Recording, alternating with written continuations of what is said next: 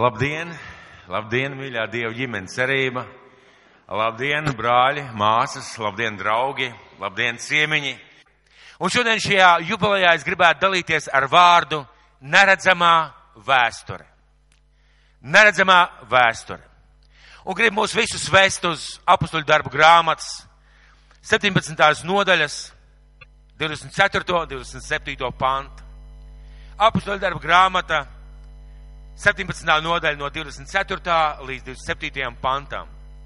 Un Dievs, kas radījis pasauli un visu, kas tanī, būdams debes un zemes kungs, nemājo rokām celtos tempļos, un viņu neapkalpo cilvēku rokas, it kā viņam kā vajadzētu. Viņš pats dod visiem dzīvību, elpu un visu.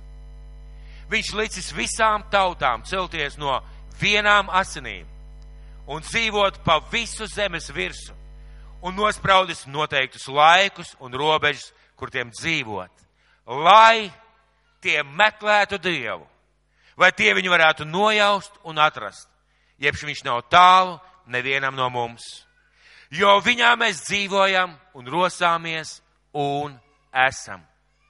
Šī vieta runā par cilvēka personisko aicinājumu. Kāpēc cilvēks ir dzimis? Kāpēc viņš ir šajā pasaulē? Šī vieta runā par to, ka cilvēks ir piedzimis no, noteiktā laikā, kad Dievs deva un ļāva viņam piedzimt.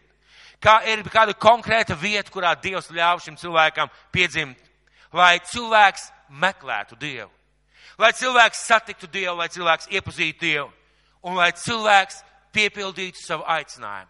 Kāpēc viņš ir aicināts uz šīs zemes?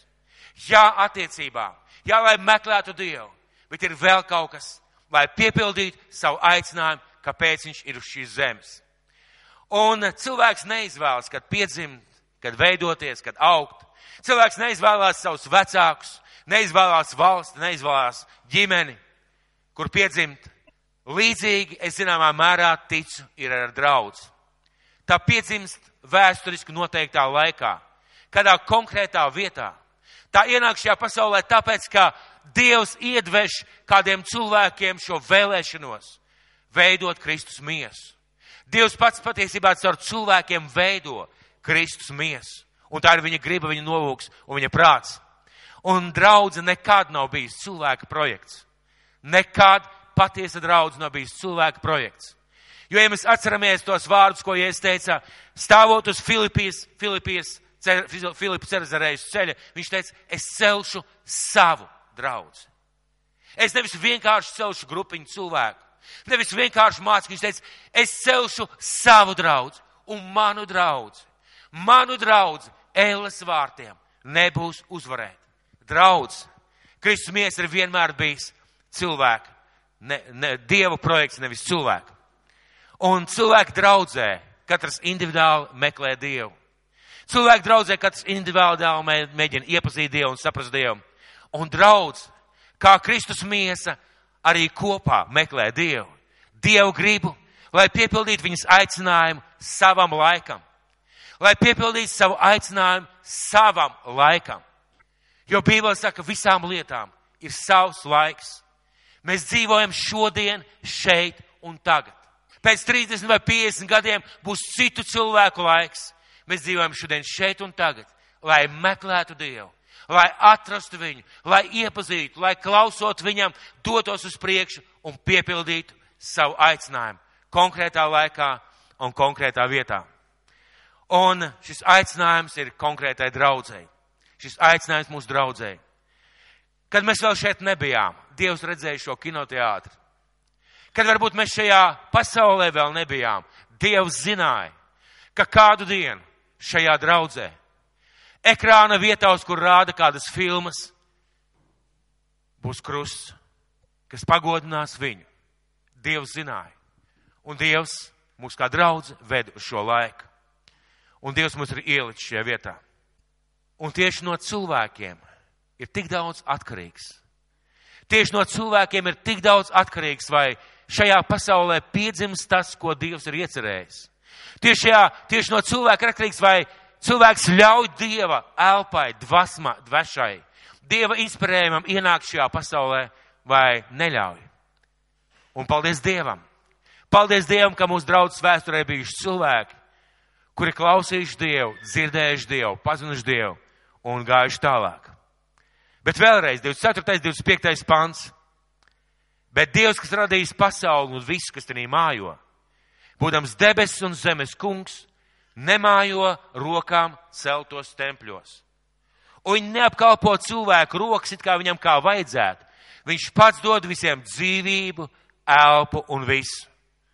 Bet tad kāpēc ir Dieva nami? Bet tad kāpēc ir baznīcas? Kāpēc ir draudžu projekti? Kāpēc ir draudžu pasākumi, kalpošanas? Ja jau Dievam to nevajag. Ja jau viņš nemājo šajās lietās. Noslēpums ir, ja paņem projām iemeslu, kāpēc cilvēks būvē namu. Ja paņem projām iemeslu, kāpēc cilvēks kalpo ja paņem projām iemeslu, kāpēc cilvēks ieguldā, ieguldās, tad paliek tikai čaula. Un Dievs saka, es čaulā nemājoju. Es mājoju tā cilvēka rokās, kas būvē to namu. Es mājoju tā cilvēka lūpās, kas sludina. Es mājoju tā cilvēka darbos, jeb, jeb rīcībā, kas kalpo man. Un it kā mēs, kalpojot Dievam, ļaujam Dievam iebūst dvašu mūsu darbos. Un Dievs mājo tajā mirklī, tajā vietā, kur cilvēks būvē. Un ja paņem projām attiecības ar Kristu, to dzīvības dvašu, tad paliek tikai ārējais. Tad kamā mājo Dievs? Sirdī, kas mīl Dievu, un rokās, kas mīlestībā ceļ šo namu. Sirdī, kas mīl Dievu, un tāpēc kalpo kādā konkrētā kalpošanā, un tajā brīdī, kad viņš kalpo, it kā dieva dzīvība atraisās ar viņu rokām. Sirdī, Dievs mājos sirdī, kas sludina aiz mīlestības.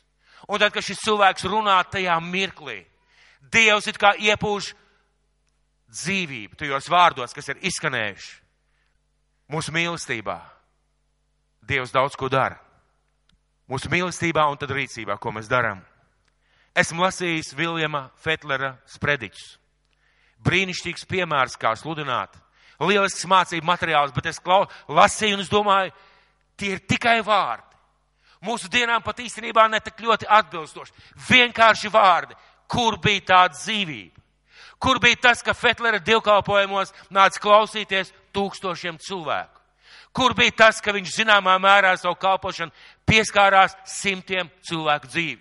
Ja tas ir tikai papīrs, Dievs tur nemājo. Bet Dievs mājoja Fetlera sirdī un tajā mirklī, kad viņš sludināja. Tajā mirklī šī dzīvība nāca ārā. Dievs ir suverēns, Dievam neko nevajag. Viņš ir vispēcīgs, visvarans. Mēs neapkalpojam viņu ar savām rokām, bet viņš izvēlējās izpaust sevi. Viņš izvēlējās izpaust sevi caur Jēzu Kristu, caur savu dēlu. Viņš izvēlējās izpaust savu dzīvību caur kādu personu, ka viņš ļauj pārdevis piedzimt, ļāva kalpot šīs pasaules, ļāva nomirt šausmīgā nāvē un cēla augšā, lai dzīvotu mūžīgi. Dievs izvēlējās cilvēka miesu, lai parādītu savu mīlestību. Un draudz pastāv, lai caur sevi parādītu pasaulē Dievu mīlestību. Un kustībā, un draudz kustībā izpaustos Dieva spēks un spožums. Bet kā celt? Kā celt šo garīgo namu personiski? Kā celt šo garīgo namu kā draudzē? Kā mums viņu celt? Un es gribu jūs vest uz pirmo vēstuli korintiešiem, trešo nodaļu, 10. 15. pants. Pirmā vēstule korintiešiem, trešā nodaļa no 10. Līdz 15. pantam. Pēc Dieva dotās žēlastības es kā gudrs namdars liku pamatu, bet cits ceļ uz tā ēku, bet katrs lai pielūko, kā viņš to ceļ. Jo citu pamatu neviens nevar likt kā to, kas jau ir likts, proti Jēzus Kristus.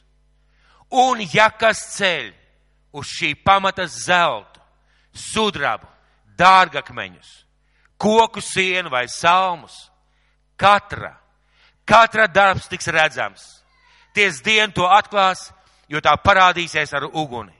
Un kāds, kura darbs ir, to uguns pārbaudīs. Un ja kāds darbs, kāds darbs, ko tas cēlis, pastāvēs, tas dabūs algu. Ja kāda darbs sadegs, tam būs jācieš, bet viņš pats tiks izglābts, bet kā caur uguni. Brīnišķīga vieta. Brīnišķīga vieta par, par to, kas runā, kā runā par dieva namu celtniecību. Un ir tikai viens pamats. Ir tikai viens pamats, uz kuru celt.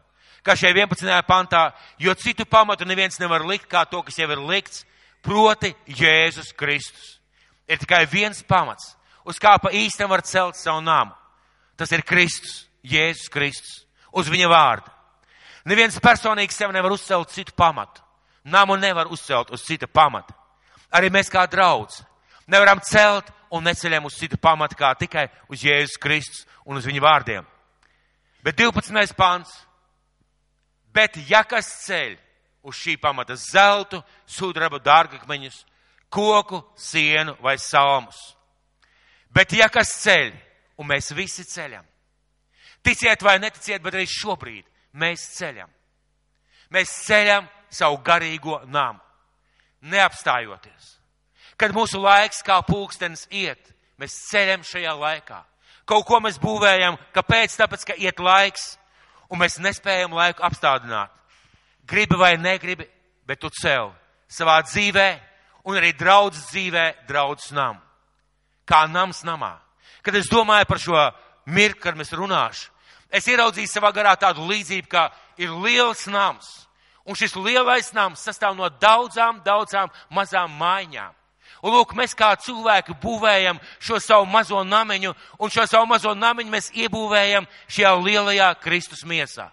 Un iznāk tā, ka tas, kā es būvēju savu namu, tas atstāja iespaidu uz visu lielo namu.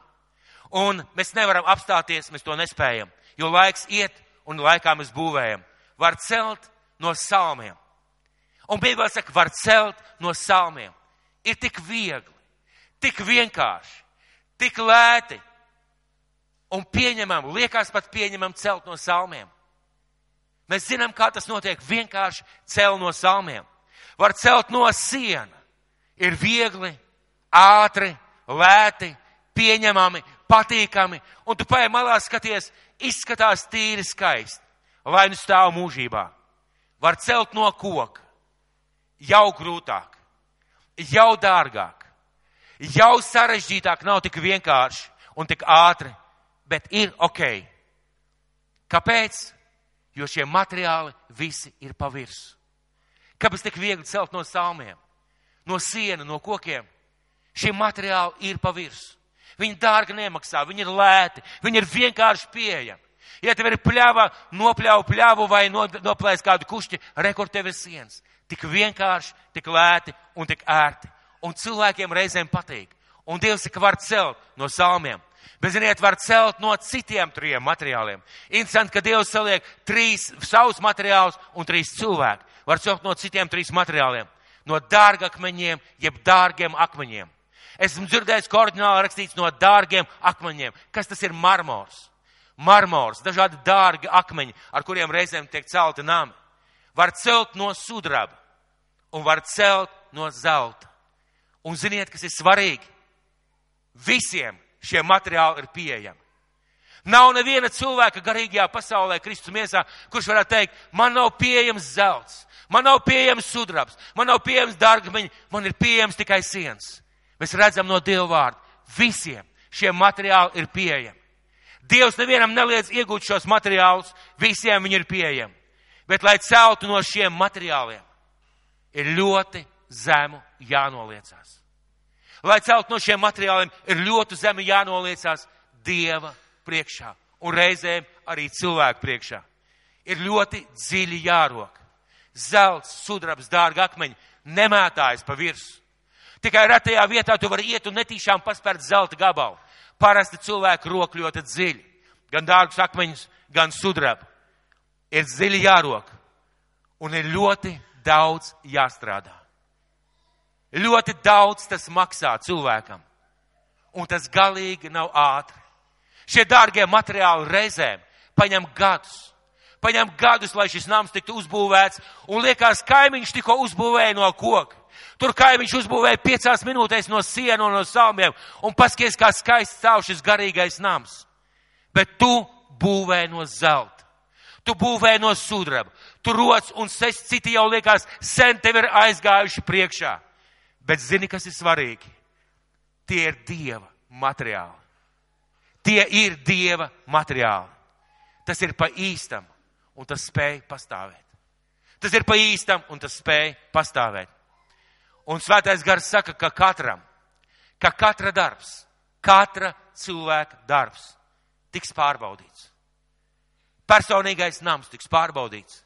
Kā tavu personīgā garīgā dzīve, no kā viņa ir uzbūvēta. Un tas, ko tu iebūvēji draudzes namā, arī tas tiks pārbaudīts. Un tiks skatīts, vai tas sadeg, vai tas paliek. Tas tiks pārbaudīts. Un Bībele saka, un Bībele saka, tas, kas būvēja no zelta, kas būvēja no sudraba, varbūt tas reizēm prasīja ļoti daudz, varbūt tas reizēm prasīja pat gadus, varbūt reizēm tas prasīja no daudz kā atteikties, un citi varbūt smējās vai teica, ēj, vai vienkāršo mēs uzbūvēsim. Pienāks diena, kad šis nams stāvēs. Šis nams stāvēs. Un mēs zinām, ka siens, salmi un koks vienkārši sadegs. Un Bībele saka, šis cilvēks var tikt izglābts, bet kā caur uguni. Un ziniet, ko es jums gribētu teikt? Ziniet, ko es gribētu šodien stāvot šeit teikt? Un es domāju, ka mēs visi piekritīsim. Es negribētu, lai mana dzīve, es domāju, ka mēs neviens negribētu, lai mūsu dzīve būtu pelnu vērta kas piecās sekundēs vai minūtēs pārvēršas pelnos. Gadi vienkārši pelnos. Bet zini, kad viņi nepārvērtīsies pelnos, kad tu dziļi raksi, kad tu smagi strādās, kad tu meklēsi Dievu gribu un cels no dārgiem materiāliem. Tas pastāvēs. Un uguns nāks un tu redzēsi, ka tavi šajā savā garīgajā namā iebūvētie gadi, dienas un mēneši, viņi pastāv. Viņi pastāv Dieva un cilvēku priekšā. Un, ziniet, draudzes vēsturē, arī šīs draudzes vēsturē, ir bijuši vienmēr un būs cilvēki, par kuru dzīvi runās un atcerēsies, bet, ziniet, tikai par ārējo. Tikai par ārējo. Par to varbūt, ko viņš uzbūvēja, ko viņš uzcēla, varbūt kā viņš izskatījās, varbūt kāds labs darbs viņš darīja, bet tikai par ārējo, bet iekšējo. Šī neredzamā vēsture, ko mēs neviena cilvēka dzīvē neredzam, viņa stāv un pastāvēs Dieva priekšā. Neviens to nezina. Šo neredzamo vēsturi, šo neredzamās dienas, gadus un mēnešus, ko cilvēks iekšēji nocīvēja Dievu priekšā. Neviens to neredz, bet tikai Dievs. Un tāpēc mēs šodien runājam par neredzamo vēsturi. Patiesībā Dievs redz vēsturi. Mēs aizmirstam. Dievs redz vēsturi. Bet ir daudz, daudz vairāk cilvēku draudz dzīvē un arī būs, par kuriem aizmirsīs un par kuriem varbūt daudz nezinās, jo atnāks jauns draudz. Un vienkārši nezinās un neatcerēsies. Bet, bet viņu neredzamais nams, viņu neredzamā vēsture pastāv laikā un Dieva priekšā. Pastāv laikā un Dieva priekšā, un Dievs redz, no kādiem materiāliem tas būvēts. Un Dievs redz šo neredzamo namu. Dievs redz šo neredzamo vēsturi, kā cilvēks personīgi būvēja kādus materiālus, kādas pūles, ko viņam tas maksāja un kāpēc viņš to darīja. Daudziem no mums šeit neko neizteiks tādu vārdu kā Mirjama un Gunārs. Neko neizsaka. Tie bija cilvēki, kas stāvēja draudzes pamatos. Tie bija cilvēki, kas lēnām un neatlaidīgi gadiem veltīja savu dzīvi šeit draudzē. Mēs daudz par viņiem nezinām. Bet es šodien zinu, viņu garīgais nams stāv Dievu priekšā. Un Dievs vērtē Un es ļoti ticu, ka redz zeltu, sudrabu un dārgus akmeņus. Un šī neredzamā vēsture ir ļoti reāla. Arī mūsu dzīvē viņa būs ļoti reāla. Man nesen bija ļoti garīgs piedzīvojums. Es redzēju neredzamo. Ļoti garīgs piedzīvojums, es redzēju neredzamo.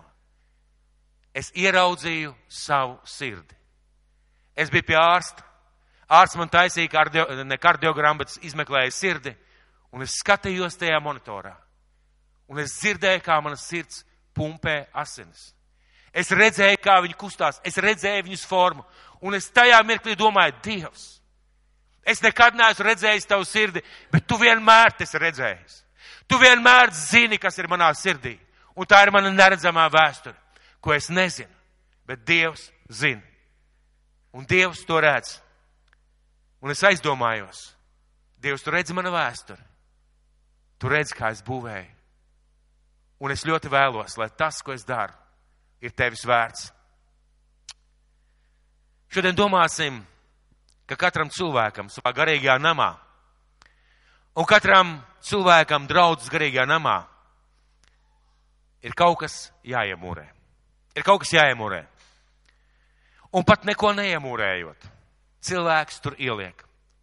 Man ļoti žēl to cilvēku, kas, pa, kas nodzīvo savu dzīvi bez mērķa, kas nodzīvo savu dzīvi vienkārši kā kristieši, kas nodzīvo savu dzīvi vienkārši kā ticīgi cilvēki, slava Dievam, bet ko mēs iebūvējam savā namā? Ko mēs iebūvējam tajā, ko Dievs mums ir aicinājis būvēt? Kāds iebūvēs zeltu? Un varbūt cilvēki to pat nezina. Kāds iebūvēs sudrabu? Arī to cilvēku neredz. Kāds iebūvē dārgus akmeņus. Bet varbūt kāds salmus kāds sienu un koku. Un katra darbs tiks redzams. Un lieta iespējams ne tagad, ne pēc pieciem gadiem, bet vienu dienu, vienu dienu Dievs katram parādīs viņa neredzamo vēsturi. Un es gribētu novēlēt mums draudzē, gan savā garīgajā namā, katram iebūvēt zeltu, sudrabu un dārgus akmeņus. Gan draudzes garīgajā namā iebūvēt šos dārgos materiālus un lai mēs patiesi iebūvētu dārgus, vērtīgus šos materiālus. Ir tik ļoti svarīgi saprast, ka pat šajā mirklī, kad mēs šeit sēžam, kaut kas notiek. Kaut ko Dievs redz, kaut ko Dievs ievēro, un kas tas ir viņa acīs? Zelts, sudrabs, koks vai dārgi akmeņi. Un kāds teiks, es vispār neko nebūvēju. Nav taisnība. Mēs būvējam. Jo Dievs deva mums dzīvi, lai mēs sāktu šo dzīvi, lai mēs nodzīvotu šo dzīvi un lai mēs tajā, ko mēs būvējam, ieliekam savu dzīvi. Tāpēc, mīļie draugi, lai Dievs mūs kā draudz svētī, ka mēs katrs personīgi būvējam savu garīgo namu, iebūvējam tajā zeltu, sudrabu vai dārgus akmeņus. Un tev ir jāzina, tas nav pa virsmu. Tas nav vienkārši. Un varbūt kaimiņš, varbūt tāpat tavu otru pusīti neredz, ko tu dari. Neredz, ko tu nes, neredz, ko tu maksā. Dievs redz. Kā es redzēju savu sirdi, tieši tāpat Dievs redz. Tāpat Dievs redz arī koku, sienas un salmu. Lai Dievs mūs svētī, ka mēs kā draudz būvējam no dārgiem materiāliem. Ja Dievs nedzīvo šajā namā, Dievs nedzīvo šajās sienās, šajā fiziskajā jumtā, bet Dievs dzīvo to cilvēku sirdīs, rokās, vārdos, darbos, kas ir šajā vietā. Mēs esam Dieva ģimenes cerība. Un paldies Dievam par šo vārdu. Paldies Dievam par šo ģimeni un paldies Dievam par to, ka mēs varam būt tur, kur mēs esam. Un lai Dievs svētī, lai Dievs svētī, ka Latvijas garīgajā namā, draudz cerība Rīgā un draudz cerība Tukumā, būt kā zelts, būt kā sudrabs, būt kā dārgi akmeņi, būt kā patiesi dārgi akmeņi. Un es ļoti priecājos, ka visiem tas ir iespējams. Nav neviena cilvēka, lai viņš būtu vecs, jauns, vesels vai netika vesels, nav neviena cilvēka, kam nebūtu iespējams būvēt šo namu un kam nebūtu iespējams iebūvēt šo zeltu sudraba un dārgus akmeņus. Un tikai mēs paši izvēlamies materiālus. Tikai mēs paši izvēlamies, no kā mēs būvēsim, kā mēs būvēsim un kad mēs būvēsim. Un lai svētais gars mums palīdz būvēt tā, ka tajā dienā mēs ar drošību varam nostāties Dievu priekšā un teikt, kungs, to, ko tu man devi, es izdarīju. To, ko tu man teici, es darīju. Un es ieliku to, ko spēju.